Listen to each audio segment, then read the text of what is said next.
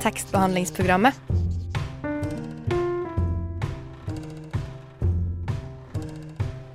Tekstbehandling på radio.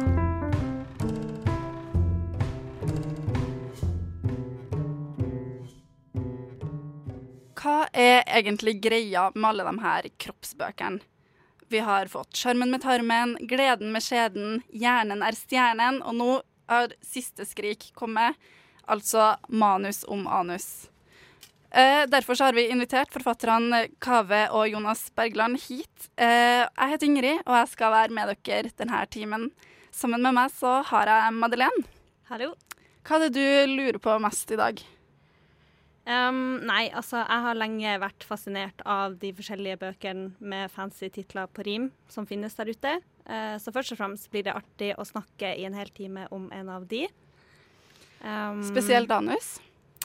Ja, eller spesielt den som handler om et tema som jeg og sikkert mange andre med meg kan flaut lite om. Det er jo et tema som er lett å spøke med og ta useriøst. Så først og fremst lurer jeg kanskje på hvorfor det er sånn. Eh, hvorfor er anus så artig? Um, og hvorfor blir vi enten forknytt eller humoristisk eller pinlig berørt av å snakke om det? Um, og generelt bare lære litt mer om en kroppsdel som er så viktig i alle sin hverdag. Jeg tenker at det er jo veldig sånn uh, i sesongen, kanskje akkurat det manus, anus. I hvert fall jeg kjenner at jeg er veldig klam i uh, mer uh, rumpa nå enn hva jeg har vært de forrige månedene. Det er jo sommer blitt. Jeg har kjøpt meg sykkel og herlighet. Eh, jeg for min del har grudd meg litt også, fordi jeg er litt sånn medisinsk eh, Ja. Skrekk. Jeg besvimer av blodprøver og altså, syns at veldig mange av de kapitlene der var litt sånn ubehagelige når det kom til sykdommer og sånne ting. Mm. Eh, så jeg er litt redd for det, kjenner jeg. Om Ja. det blir veldig mye prat om det. Mm. Er du nå redd for det? Nei, altså jeg hadde jo lyst til å studere medisin da jeg gikk på videregående. Nei. Og så har jeg jo jobba mange år i hjemmesykepleien, så okay. jeg Så du, du har sett mye rart. Har ikke så mye skrekk, nei. Jeg er blitt ganske herda med årene. Men har du et godt forhold til egen anus? Har ikke egentlig så mye forhold til den annet enn daglig bruk, holdt jeg på å si, som man ikke tenker så mye om. Daglig bruk. ja, men det er jo nok. Det er daglig. Du tenker på det daglig. Ja, eller ja, jeg tenker jo egentlig ikke så mye over det heller. Det går jo litt automatisk, Mm. den prosessen. Ja, men rumpe er jo også litt sånn populært, da. Rumpe og anus ligger jo litt sånn tett uh, sammen. Um, Men hvis jeg ser ei fin rumpe, så går ikke tankene mine rett til liksom det Anus. som er inni rumpeballene, på en måte. Nei. Det blir mer sånn ut- Men uh, en ting vi kan gjøre med anus og rumpa, er kanskje twerking og dansing. Så hva med å høre pikekyss med 'Vi burde danse'? Så kommer vi. Punktum NO. Jeg har egentlig sagt det, men jeg kan si det en gang til. Radio Nova. Yes, du hører på Radio Nova, og i stad da hørte vi pikekyss med 'Vi burde danse'. Og nå har vi fått besøk av Kaveh Rashidi, som jeg ikke helt fikk til å uttale i sted. Det hørtes ut som dere var søsken, men i hvert fall Kaveh Rashidi og Jonas Bergland, som er både leger og nå forfattere. Eh, og dere har skrevet altså da boka 'Manus om anus'. Velkommen. Takk for det. Takk skal du ha. Først så må jeg nesten bare begynne å spørre om hvorfor skrive en bok om anus? Eh, nei, det var fordi vi fant ut at Eller fordi vi kom på den tittelen, da. Eller Kave kom på tittelen. Ja. For at eh, altså forklart så var det bare uh, at han kom på den tittelen, og så spurte han om jeg kunne tenke meg å være med å skrive, for at eh, da kunne vi lage litt mer sånn humorvinkla basert bok. Uh, og så syns jeg det hørtes ut som en tåpelig nok idé til at det kunne vi gjøre. Så det var tittelen som kom først. Ja. Definitivt tittel før interesse for organet. Der skiller vi også litt ut fra de andre bøkene hvor, som vi sikkert sammenlignes med. 'Gleden med skjeden', som er av to veldig entusiastiske, skjedeglade damer. Gjerne stjernen, nevrolog. Uh, men vi har ikke noen særlig anusutdannelse, annet enn at vi syns tittelen 'Manus og manus' Ja, Men den er litt inspirert av de andre bøkene, kanskje? 100 inspirert. 100%. Ja, ja, ja. Vi Og hadde ikke eksistert uten at de andre bøkene hadde eksistert før oss. Målet vårt er jo at eh, bokhandlene skal sette opp alle disse fire bøkene på samme hylle, og at uh, forfatterne av de andre bøkene kommer og sier sånn Å, shit.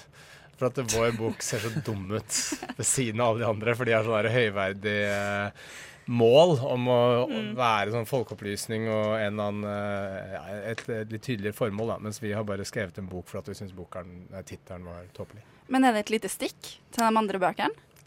På én måte. Men ikke at vi har hatt noe problem med de andre. Men uh, vi tenkte at det er gøy å skrive en bok som gir et både verbalt og anatomisk punktum på hele den uh, bokserien der. Jeg tør på, altså Vi er ikke så langt bak de rent faglig. Bare vi er ikke så høytidelige om det. Uh, du får like mye om anus i vår bok som du får om skjeden i 'Gleden med skjeden', f.eks., tør jeg påstå. Ja. Men vi, ja, som jeg nevnte innledningsvis, det er jo ikke så veldig mange som har så mye peiling på anus. Det er Nei, ikke et tema man lærer veldig mye om. Nei, det er liksom glemt område. Jeg føler jeg lærte masse når jeg leste boka. Ja, det er veldig bra, da. Og det Men, er jo også målet litt der, at man skal jo lære noe. Det er ikke tull, det som Nei. står der. Det er viktig. Så er det ikke sånn at man må velge mellom humor eller uh, informasjon og folkeopplysning. Mm. Kan få det i pose og sekk. Så dere er ikke redd for at uh, humoren kan misforstås med, uh, som fakta? Jo, vi er redd for det. Men uh, det er for seint. Men hvordan har dere løst det i boka? Nei, det var faktisk eh, Vi tenkte liksom da vi skrev det, det ordner seg, liksom. Men det ble litt sånn problem som har skyve foran seg. For da vi skulle skrive det som skulle stå på baksiden av boka, så skjønte vi at vi hadde problemer med å forklare hva det egentlig var. For at forlaget og eh, alle som på en måte var med oss i den prosessen, var kjempefornøyde. Bare sånn Ja, kjør på, liksom. Og de fikk eh, utkast til kapitler, og var, alle var superfornøyde. Mm. Men det var fordi de hadde vært med på prosessen fra starten av. Sånn, så de skjønte liksom hva det var. Ja. Men nå på bokmesser og sånne ting, vi har snakka med forlag, de skjønner ikke helt hvordan de skal klare å formidle hva det er, da. Så folk er veldig interessert, ja. men ikke Da kan man skrive sånn advarsel på forhånd. Advarsel, ja. sarkasme innimellom. Nei, det, for Eller? da mister man jo sarkasmen. Det er så sant. Det, altså man sier sånn Nå må du huske på at dette skal være litt gøy, da. Mm. Altså sånn det tar bort uh, hele humoren, så det er vanskelig ja. Enten må du skjønne det, eller så skjønner du ikke. Og stort sett Det er litt sånn det er med virkemiddelet humor, da. Mm. Det inkluderer noen veldig godt, og så ekskluderer det andre sterkt, som syns ting er enten mm. plumpt og barnslig eller støtende, som selvfølgelig folk kommer til å synes om deler av den boka her. Tror du mange som vil si at det her er støtende, kommer til å lese den? Nei. Nei. Nei. Men har dere fått mye kritikk på det, at det kan være støtende? Nei, ikke noe støtende. Altså, jeg trodde du skulle få mer, egentlig. Vi har jo navngitt personer og kalt idioter. Det er mye sånn herre Ja, og tørke rumpa med Koranen. Den burde ha utløst en eller annen form for sånn fatwa. Jeg er skuffa at vi ikke har fått noe fatwa, ja. Men uh, For det tenker jeg det er gøy å ha på CV-en fatwa, liksom. Det vært helt rått. Men uh, så masse sånn Ja, studerte og jobba der. Og fikk en fatwa i 2018. Um, men um, Når det er sagt, så har jeg jo strengt tatt allerede en Ja, du har en fatwa. Det er sant, det. Noe lignende, iallfall. Ja, Nå må dere forklare hva det er til lytterne våre. Kort fortalt. Um, pappa dro fra Iran. Var det en fatwa eller uh, hans fatwa? En fatwa eh, hva, er jo, hva er en fatwa? Ja. En fatwa er jo at uh, en religiøs leder, en ayatollah eller uh, en eller annen sånn person, uh, utlyser en, en, dødsstraff på en person fordi at de har krenket islam. Mm. Og en garanti for himmelen til den som den dreper vedkommende. Ja, og, og, alle muslimer i hele verden har lov til å drepe den personen og komme til himmelen. Så Det er ikke sånn Det skjedde f.eks. med Salman Rushdie, fordi boken ja. hans 'Sataniske vers' eh, inneholdt enkelte ganske direkte hint om at Mohammed, profeten, eh, holdt på med homoseksuell aktivitet. Ja, ja som, ikke sant. Da må vi gå til din eh, fatwa. Ja, det, jeg, jeg, jeg tror ikke det strengt at er en fatwa per definisjon. Nei, det er mer pappa, sånn vanlig juss i Iran, er det ikke det? pappa flykta sammen med mamma fra Iran mens pappa fortsatt jobba i militæret som ingeniør. Og da regnes du som en landssviker, og da får du dødsstraff automatisk. Så døde pappa i Norge, altså kjedelige kreftrelaterte årsaker. Og da går en dødsstraff i mannlig arv i Iran. Så den dødsstraffen har jeg arvet. Så hvis jeg reiser til Iran, så må jeg først eh, stille for retten og forsvare den tiltalen, selv om jeg er født i Norge og ikke har noen verdens tilknytning til Iran whatsoever. Eh, men for å få lov til å forsvare den dødsdommen, så må jeg først gå to år i militæret. Så det er en ganske sånn kronglete situasjon hvis jeg skal reise til Iran. Så sånn sett så er det jo ikke bare bra for menn at det er et patriarkalsk samfunn som er kvinneundertrykkende. Det er, det er menn får svi også. For det er, uh, Jeg har jo storesøster som strengt tatt burde ha tatt den dødsstraffen for meg. Men nei da. Ja, Kanskje burde jeg det. Da går vi Kanskje du hadde trengt noen superkrefter, som en liten segway over til neste låt, som nettopp heter 'Superkrefter' og er lagd av Erik Aas og Junker. Litt mer sånn hey. Sånne ting som gjør meg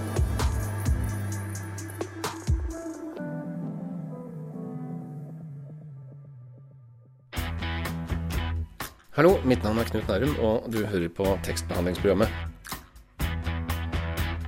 Jeg går i hvert fall ut fra at du gjør det. Du hører fremdeles på tekstbehandlingsprogrammet her på Radio Nova, og i studio så har vi fremdeles med oss eh, Jonas Kinge Bergland og Kaveh Rashidi. Nå sa jeg alle navnene riktig, gjorde jeg ikke det? Jo. Eh, og så må vi spørre om Vet vi for lite om anus, siden dere har skrevet denne boka, 'Manus om anus'? Nei, ikke nødvendigvis. Uh, det er jo ikke veldig vanskelig tilgjengelig informasjon, så hvis man eh, lurer på noe, så finner man det Det er bare at det ikke er vært så uttalt, så det er eh, et uh, tema som det er lett å skrive en bok om uten at man går i veien for noen andre bøker. da. Mm.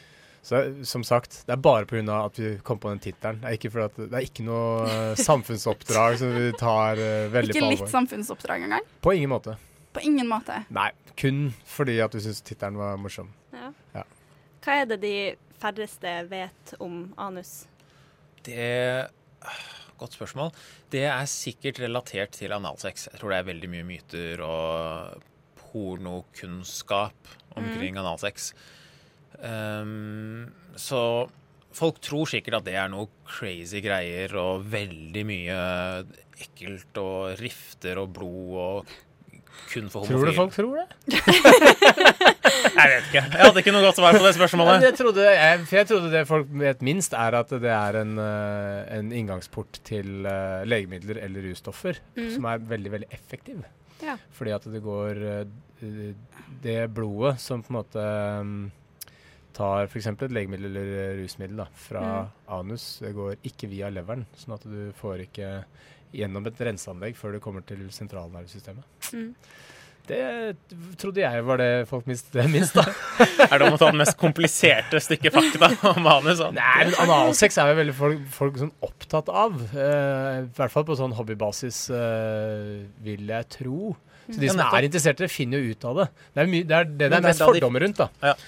Det er det jo. Men dere har jo eh, en passasje der der dere skriver om noe så enkelt som det er veldig få som Dere snakker om at det er få som vet det, og det handler om stikkpille. Og Ja. hvilken vei stikkpille skal inn. Det skapte en skikkelig debatt blant sykepleiere. Vi, ja, ja. Sykepleien, det tidsskriftet som sykepleierne skriver og leser. Svær artikkel om liksom, historikken og forskningen frem og tilbake, og vi blir intervjuet og det ene og det andre.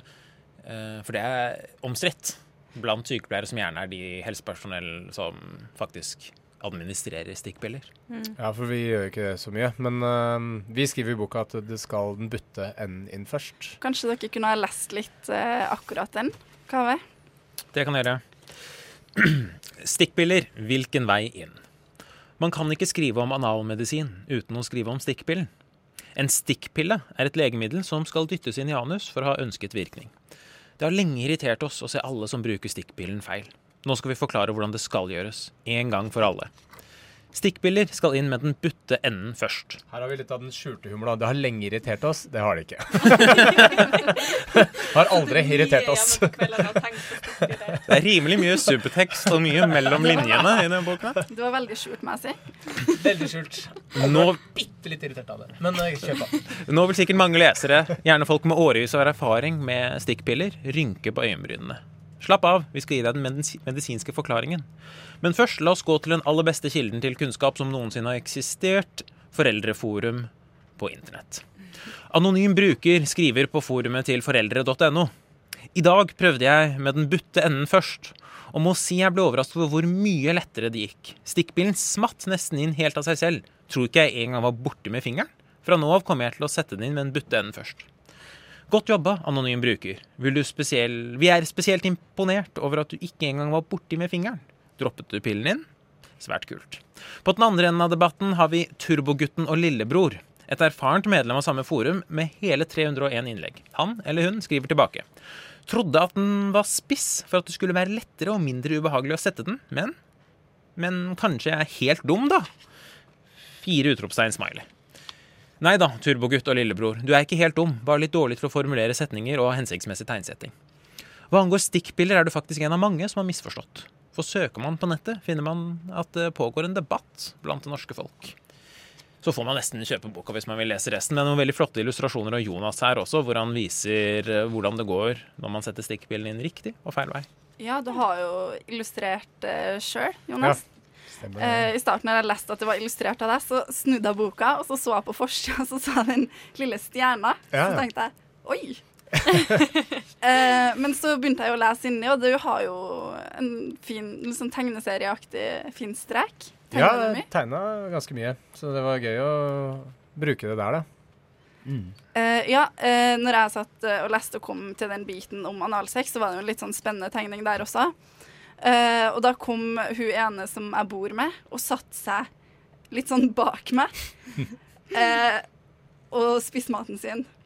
Og så ikke, leste ikke noe bok, så ikke noe på Så ikke noe på telefonen sin eller noen ting. Hun bare satt og spiste.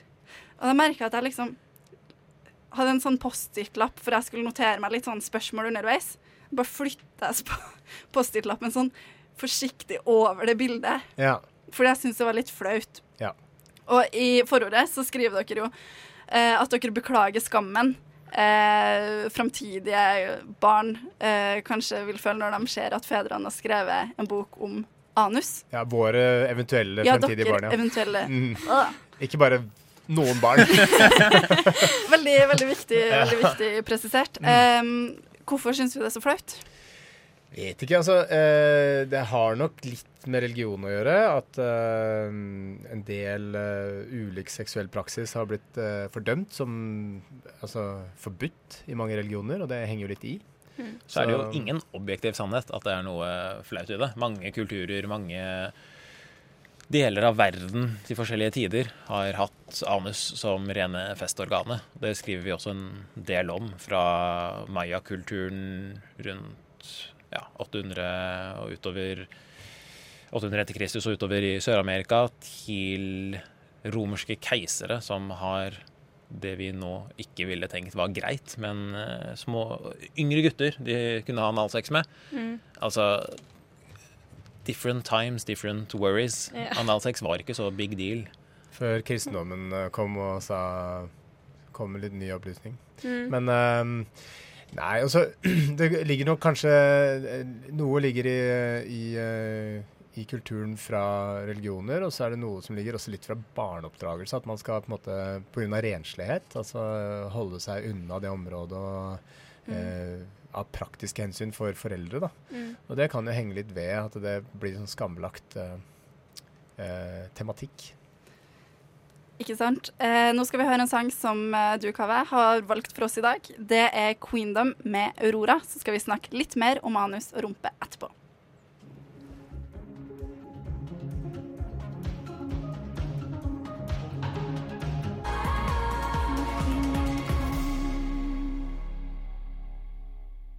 Du lytter til Radio Nova. Du lytter til Radio Nova, og i stad så hørte vi Aurora med Queendom. Og det var deg, Kaveh, som valgte den. Hvorfor valgte du akkurat den sangen? Ja, Dere ba jo om noe som har relevanse til manus og manus, så det blir litt sånn far-fetched. Men en feministsang, holdt jeg på å si. Og Jonas og jeg hadde én Vi hadde ikke mange uenigheter da vi skrev denne boka, men vi hadde én gjennomgående uenighet, for vi skriver ganske mye om Gud i denne boka. Eh, hvor jeg hadde lyst til å eh, skrive Gud som hunnkjønn. Hun. Ja. Altså ja, hva ville hun sagt hvis etc. Men Jonas ville ikke kjønngi Gud, for det ville da ha vært å på en måte innrømme at Gud eksisterer. Nei. Det var dobbeltkommunikasjon. Det var to vitser på én gang. Du klarer ikke å følge med på Du kan ikke komme med kritikk til Gud samtidig som du kommer med et feministisk standpunkt. Så det blir bare Det blir eh, for vanskelig å følge med på hvilken vits det er man skal eh, på en måte eh, ha i fokus, da. Ja. Så, så jeg valgte da den sangen for å vise litt prosessen vår, da. Sånn går det stort sett frem og tilbake mellom ja. oss, hvor Jonas har veto på humorrelaterte ting. Har du veto på legerelaterte ting? Nei, egentlig ikke.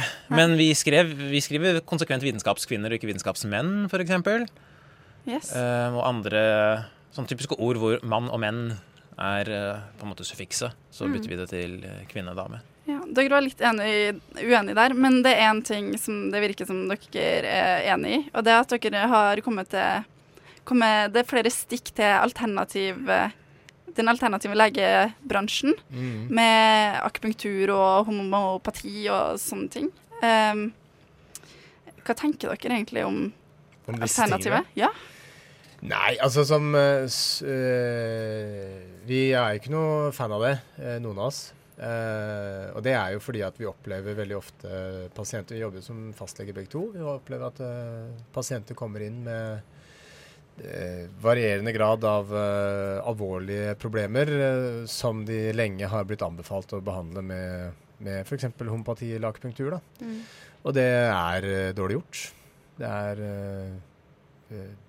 Hva heter det? Svindel, heter det. Ja. Ja. Og én ting er det samfunnsperspektivet, men jeg tror vi som individer er veldig glad i fakta. Sånn vitenskap. Rett er rett, og galt er ikke rett. Ja. Så når man da tipser folk om å drikke homopatiske midler eller å stikke nåler i kinesisk ubevisste punkter for å få bort forstoppelse hos en ettåring Altså det blir så mye svada at vi blir nok litt frustrert av den grunn. Ja, fordi eh, når dere skrev om det her, så nevnte dere Eller det var kanskje ikke akkurat under det, men dere nevnte i hvert fall noe som heter plugging. Ja. Eh, dere kan jo kanskje forklare hva det er etterpå. Men det fikk meg til å tenke på en sak jeg leste for en tid tilbake i avisa The Independent. Om Gwyneth Paltrow og hennes helserelaterte selskap Goop. Jeg vet ikke helt hva de driver med, men de selger nå forskjellige helseting. Eh, og de selger et såkalt Coffee Enema Kit. Det er da en Har dere hørt om det? Ja, ja, vi vurderte å skrive om det. Ja, dere gjorde det, fordi jeg tenkte på det med en gang, og det er veldig morsomt. Men for lytterne som ikke vet hva det er, så er det da en slags glasskolbe med to slanger festa på korka, der den ene slangen skal opp i analen, og den andre har en slags pumpe festa til seg. Og meninga er da at man skal ha kaffe i denne glasskolben. Ja. Kaffeklyster, rett og slett. Ja, Mm. og så pumpe, Pumpe kaffe, kaffe inn i rumpa. inn i rumpa. Det er man kan- Gwyneth Paltrow. Det er For ganske å artig. detoxe systemet. Hva syns dere kaffe om, gjennom rumpehullet. hva syns dere om detox? Nei, altså i- detox er jo et, eh, et motebegrep som eh, er litt sånn misforstått. Ja. Eh, fordi at La oss si, da, du har tatt i deg eh, uh, uviss mengde med legemiddel eller altfor mye alkohol eller noe sånt, nå, så kommer Mm. du på akuttmottaket. Og der vil du da få noe som heter uh, organisk kull. Eller det er ikke organisk, medisinsk kull heter det. Mm. All kull er selvfølgelig organisk. Uh, medisinsk kull. Mm. For at det absorberer eh, veldig mye um, stoffer. Fordi at det har en ekstremt eh, stor overflate. Det er en form for detox. Jeg tror jeg har hørt om kull som sånn nytt sånn supermataktig tilskudd. Ja da, det er, Ja. de har kommet litt seint på banen. Jeg tror nå at eh, det kan løse alle med kull. Sånn svart iskrem, det er også Stemmer det det nye. også. Ja. Um, og uh, mange tror da at uh, f.eks. det som foregår i tarmen fordi at det lukter vondt og uh, noen ganger er eh, eh, forbundet med ubehag, så tror man at eh, hvis man bare tar ut alt det, Mm. så blir det mye bedre med plagene dine. Poenget er at eh, det er veldig mye i tarmen som skal være der. Mm. Annet bakterier. Så det som skjer når man kjører inn masse kaffe og pumper dette her ut igjen, så renser du selvfølgelig tarmen for avføring og sånne ting, men du tar ut også veldig mye bakterier som skal være der, Ja. og legger grunnlaget for at uh, kanskje en bakteriekultur som tidligere da ble konkurrert ut av de bakteriene som skal være der, plutselig ikke har noen konkurranse. Ja. Og får blomstre opp, og så sitter du igjen med usannsynlig mye mage-tarmplager. Eh, Istedenfor eh, at du har tatt vekk giftstoffer som uansett hadde blitt eh, skilt ut. da. Eller Mm. ikke giftstoffer, avfallsstoffer. De ligger jo i tarmen. Men kaffe er jo ikke det eneste dere skriver at man kan putte i analen. Det er jo også eh, russtoffer. Man kan Mm. ruse seg. Så Ja. jeg tenkte, hvis du kunne lest eh, et utdrag derfra Ja, det skal jeg gjøre. Eh, Anal rus, noe for oss alle? spørsmålstegn. De fleste har hørt om narkotika i rumpa. Når en komiker skal fortelle om sikkerhetskontrollen på flyplasser, handler vitsen nesten alltid om å sjekke anus for narkotiske stoffer.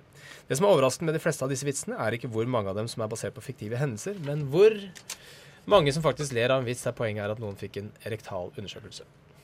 Er sånn, sånne subtile ting som vi syns er gøy.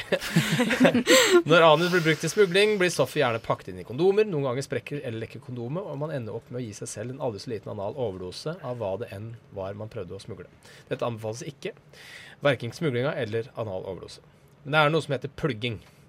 Det er når man setter stoffer inn i anus for å få en rus. Man kan plugge det meste. Alkohol og kaffe er det mange som plugger. Det er, er det mange som plugger det? det, det er Kanskje veldig- innafor segment av de Ja, som Jeg har vært veldig overraska over flere ting som var veldig vanlig, Som aldri har ja, Det er en sånn legegreie at man tror veldig Men- sære ting er vanlig. Man sier, man sier jo alltid Ja, ja, det er vanlig til alle spørsmål, ikke sant. Men øh, man kan plugge det meste. Ja, mange som plugger, men det er vanlig med langt sterke stoffer også. Kokain, ecstasy, amfetamin, opioider og hasj, f.eks. Generelt sett vil det meste fungere godt i rumpa hvis det er vannløselig. Hvis man får løst stoffet i vann, kan man sette det i en ren sprøyte med myk tupp, sprute inn og knipe igjen. Ja, man kan plukke- plugge melk og suppe også. Væsken med stoffene i blir tatt opp gjennom slimhinnen i anus og inn i blodbanen. For at det ligger veldig tydelig altså sånn eh, overfladiske blodårer eh, i nedre del av eh, endetarmen og eh, i anusområdet. Mm. Og man, dette går da inn i blodbanen. da. men kan man, ta, man ta opp næring derfra? Ja, som til når du viss skriver grad. suppe? Altså veldig mye Kan man leve på suppe gjennom Nei, for at eh, veldig mange næringsstoffer som fett og proteiner og sånne ting må brytes ned i tarmen før det kan tas opp via slimhinnen. ja. Sånn at, eh, så det skal nok hardt gjøres å leve på suppe via rumpa. Men eh, hvis det, man skulle ha valgt et rusmiddel da, um, å ta gjennom rumpa, hva ville du anbefalt? Alkohol er sikkert det greieste. Øl. Ikke for sterk alkohol, for selve spriten kan irritere slimhinnene i anus, som er veldig sensitive og mye nerver. Sånn der derre sprittampongen er ikke til å anbefale. Men sånn Noen blir jo veldig fort mette. og drikke- Baileys bak tampongen. Med litt melk i for å få det litt mer basisk. Ja. Baileys med litt melk. Kaffe-Baileys, kanskje? Ja, Godt tips til Sånn sent på kvelden når du er mett og sliten. Og Gode kaffe Baileys-tampongen etter, etter dessert. Da fikk vi et lite tips her. Kaffe Baileys-tampong etter en sliten dag. Vi skal høre en sånn låt som du har valgt, eh, Jonas. Det er Raga Rockers med 'Fritt liv'.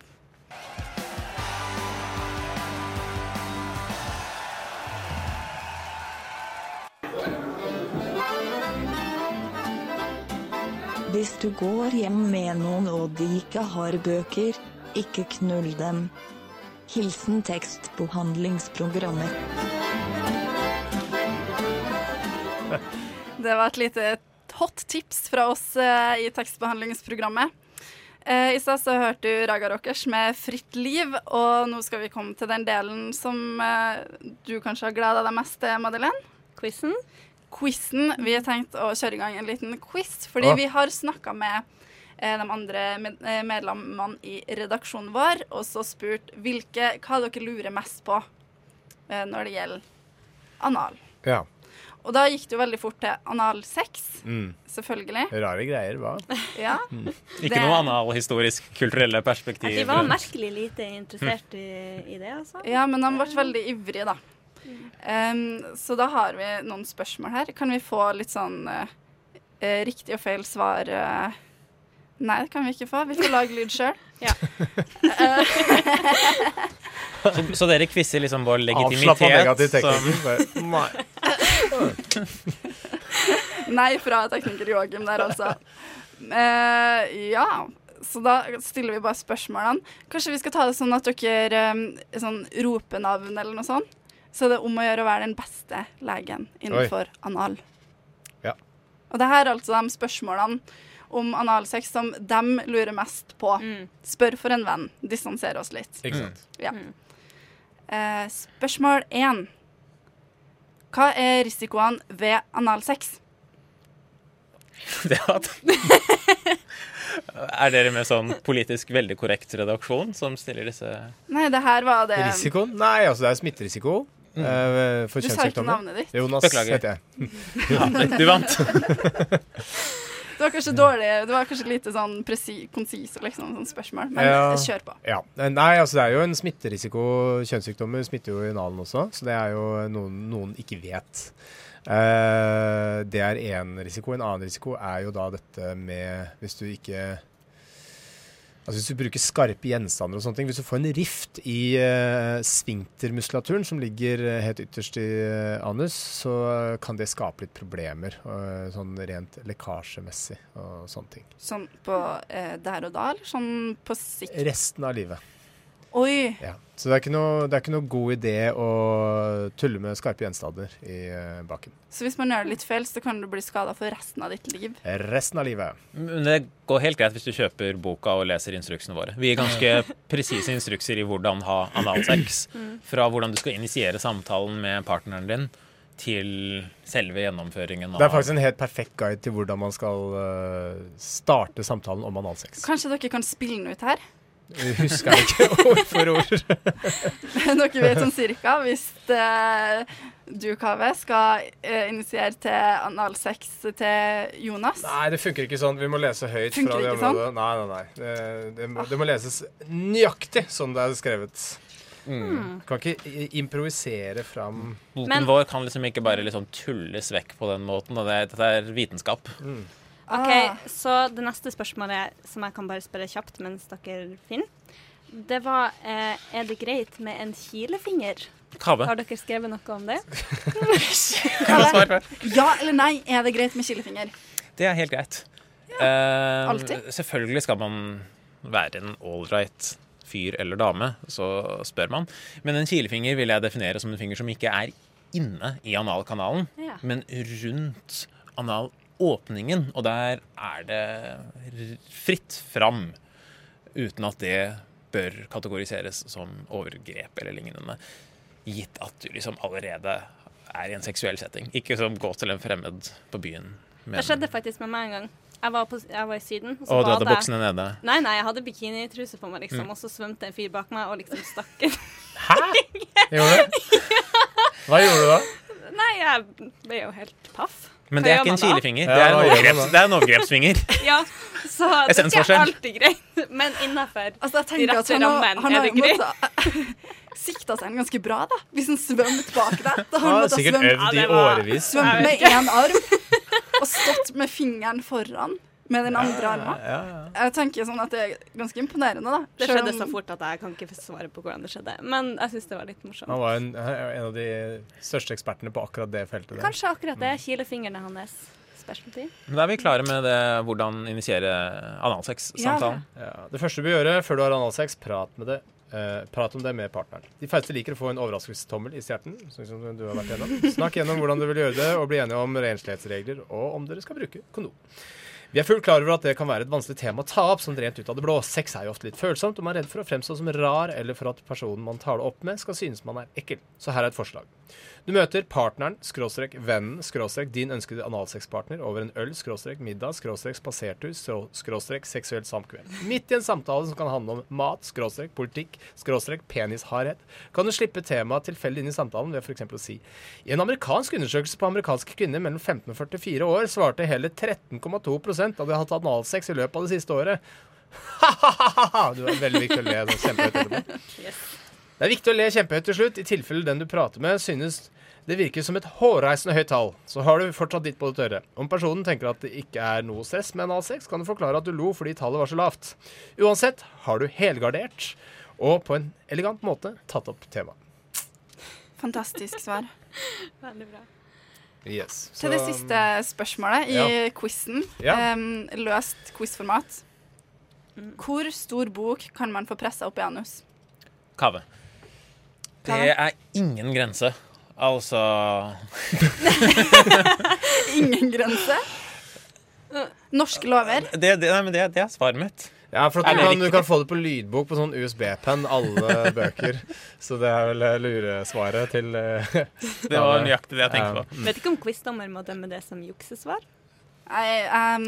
Nei, For du ville ha svaret Bibelen eller Koranen-type. Nei, vi har jo eh, ikke undersøkt det her. Vi har funnet ut at Bibelen er betraktelig kortere enn eh, Nei, eh, Koranen er kortere enn Bibelen, så den er i så fall lettere å stappe opp i anus. men eh, hva med pocket? Folde rundt? Pocket er nok Ja. mer behagelig for de fleste, vil jeg tro. Poenget er vel det at Ikke begynn med pocket. Begynn med en finger. Og utvid til Dra til Syden og finn han fyren, og så bare svøm litt tilfeldig rundt. Kommer han, så sier du OK, da bare starter du der, og så tar du pocket etterpå. Dra gjerne på stranda og spør folk på Syden. Sånn, var det, er du en av de som går rundt med en finger opp i rumpa til folk vilkårlig? Hvis du får ja, så Kommunikasjon er uansett nøkkelen. Ja. Communication is key. Kommunikasjon er nøkkelen, ja. Og i bisetning eh, i den boka her, så nevner dere en oppfølger. Læren om blæren. Ja. Og når kommer den? Den Nei, det er ironisk. aldri. Det er eh, også dette humorsegmentet som eh, da den første anmelderen vi, vi var ute for, ikke skjønte. Trodde oppriktig at vi skulle lage Læren om blæren. Vi skal selvfølgelig oss- ikke det, det er ikke noe morsomt navn engang. ga oss forskjellige Nei. tips også til læren om blæren. Da burde vi gjøre sånn og sånn Ja. før det kommer. Men det kommer aldri til å bli skrevet. Det er kanskje ikke så mye humorbasert innhold å skrive om blæra. som Nei, det er om veldig lite. Og det er jo ikke noe morsomt navn heller. Nei. Manus manus er jo morsomt. Og vi tror vel egentlig ikke at noen flere nå kommer til å på en måte tørre å lage kroppsorgan-rimetittel etter denne. tror Vi, ikke det. vi var enden. Ja, Punktumet. Anusen. spennende. Slutten. Slutten. Og nå er det også slutten her, faktisk. Eh, så vi må dessverre si takk til dere. Men eh, har dere lyst til å lese det haiku-diktet, kanskje på siste side før dere går? Det eh, er eh, Det er også en slager på de forskjellige boklanserings- eller eventene vi har vært på. Så føler jeg at den har sittet ganske bra. Vi avslutter boka med å skrive Og når noe er så bra at ingen ord eller handlinger kan beskrive det, da må vi uttrykke oss med kunst. Derfor avslutter vi med et haiku-dikt. Skjønn, men så sårbar. Hvil. Vi er ved veis ende. Bare oss. Anus. Tusen takk. Det har vært magisk å ha dere her. Og da skal vi høre Kiss the Tattoo, Emil Karls med 'Magisk'.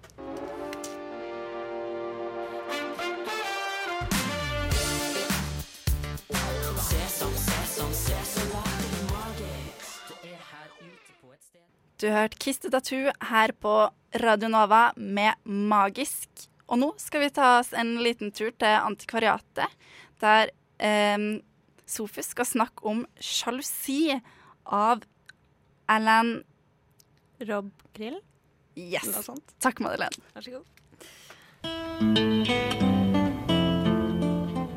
Antikvariatet. Den som er rammet av sjalusi, forestiller alltid den andre i paradis. Slik arter det seg i hvert fall for kjærligheten. Ja, da lengter man, manisk kanskje, etter sin elskede. Og dermed blir gresset smaragdgrønt på den andre siden av stakittgjerdet. Man spør seg, hvor er hun, eller kanskje det er snakk om en han? Hva gjør de nå? Hvem er de med? Og det verste spørsmålet av dem alle, har de det bedre nå? Nå som de er uten oss? Sjalusi er en fransk roman skrevet av forfatteren Alain Rob Grillet. Den ble gitt ut i 1957 og forelå i norsk oversettelse i 1966. Romanen er et underlig stykke litteratur og skriver seg inn i det som vi i dag beskriver som den franske nyromanen. Nyromanen er et litt ullent sjangerbegrep, og det blir stadig diskutert hva denne termen egentlig karakteriserer. For meg er nyromanen en bevegelse som avstedkom på slutten av 50-tallet i Frankrike, og som i ulik grad har blitt værende frem til i dag, både i Frankrike, men også i andre land. I Norge slekter forfattere som Øyvind Elnes, Mona Høvring og Ole Robert Sunde til den franske nyromanen. I en ren forenkling kan vel si at bevegelsen handler om et skift rundt hva romaner kan være. Det skjedde mye eksperimenter med språk, plottstrukturer og karakterer. Ofte endte det i surrealistiske og underlige bøker, som kritikerne, ofte med en geip, kalte antiromanen. La oss bruke åpningsavsnittet fra romanen Sjalusi som et eksempel. I dette øyeblikk faller skyggen av stolpen, den som bærer takets sydvestre hjørne, slik at den deler det tilsvarende hjørnet av verandagulvet i to like vinkler, hver på 45 grader. Denne verandaen er en bred, overbygget terrasse som omgir huset på tre sider. Ettersom bredden er den samme på langsiden som på kortsidene, treffer stolpen skygge hushjørnet med stor nøyaktighet, men strekker seg ikke opp langs veggen, for solen står ennå så høyt på himmelen at bare flisene på gulvet rammes av den stråler. Fasaden og ytterveggens ytterpanel, for dette er et trehus, ligger foreløpig i skyggen av verandataket, som er en direkte forsettelse av selve hustaket. I dette øyeblikket faller derfor skyggen av takets ytterkanter sammen med benene i den rette vinkel som dannes av skjæringslinjene mellom terrassens gulvplan og de to veggene som støter sammen i dette hjørnet. Umiddelbart blir vi som leser oppmerksomme på den geometriske nøyaktigheten som preger Rob Grillets skildringer. Her finnes det ingen in medias res, ingen umiddelbar dramatikk som skal dra leseren inn i boken. Snarere er det vel motsatt, en slags seighet, en motvilje i Rob Grillets møysommelige skildringer av solen og skyggen. Dette er gjennomgående for hele romanen, og man kan si at det er fra skildringene boken henter sin litterære verdi. Det sparsommelige plottet kan oppsummeres slik. A. Den kvinnelige hovedpersonen befinner seg på en plantasje av et slag i Afrika. Frank, en herre fra naboplantasjen, er stadig innom, og vi er vitne til A og Franks interaksjon gjennom et kjølig, deskriptivt blikk tillagt en tredjepersonsforteller. Likevel virker det som om denne tredjepersonsfortelleren er til stede på plantasjen. Kanskje vi egentlig er vitne til en sjalus ektemanns beskrivelse, men dette, ja, det får bli opp til leseren å tolke. Jon Fosse skriver i forordet at han slettes ikke er sikker på om boka kan kalles en god roman. Likevel, skriver han, er det et høyst lesverdig stykke litteratur, og det må jeg jo si meg helt enig i. Det den utsier, på vegne av den nye romanen kanskje, er ikke mer oppsidsvekkende enn at litteraturen har en egenverdi, nettopp ved å være litteratur. For å vende tilbake til nyromanen som bevegelse, det kan kanskje si at skiftet i romankunsten gikk fra å handle om hva litteraturen sier om verden, til å handle om hvordan språket sier noe. Med andre ord et spørsmål om estetikk, om språkets muligheter og begrensninger, og ikke minst en stor oppmerksomhet rundt språket som håndverk, rundt språket som kunst.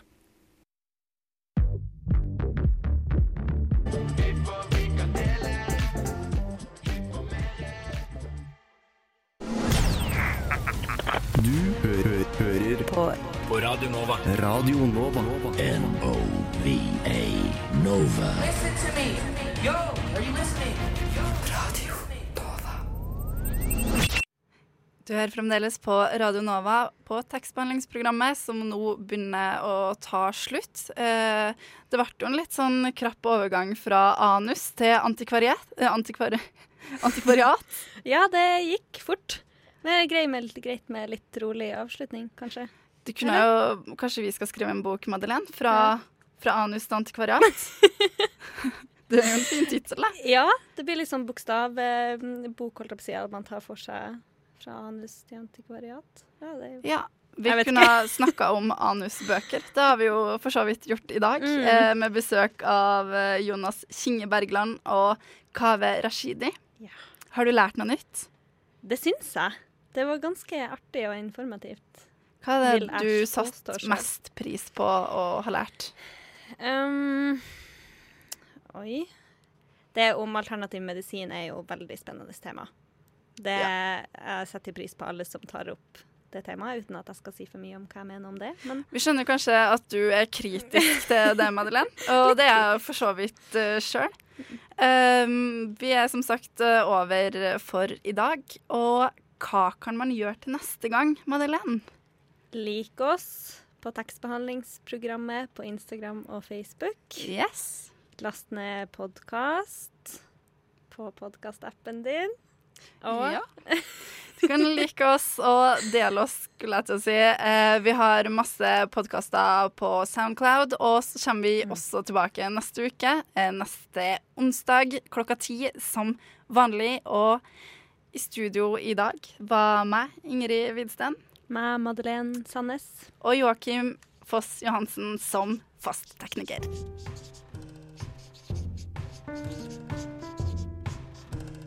Tekstbehandlingsprogrammet. Tekstbehandling på radio.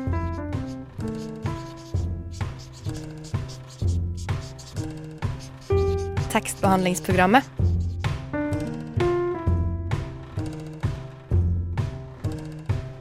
Tekstbehandling på radio.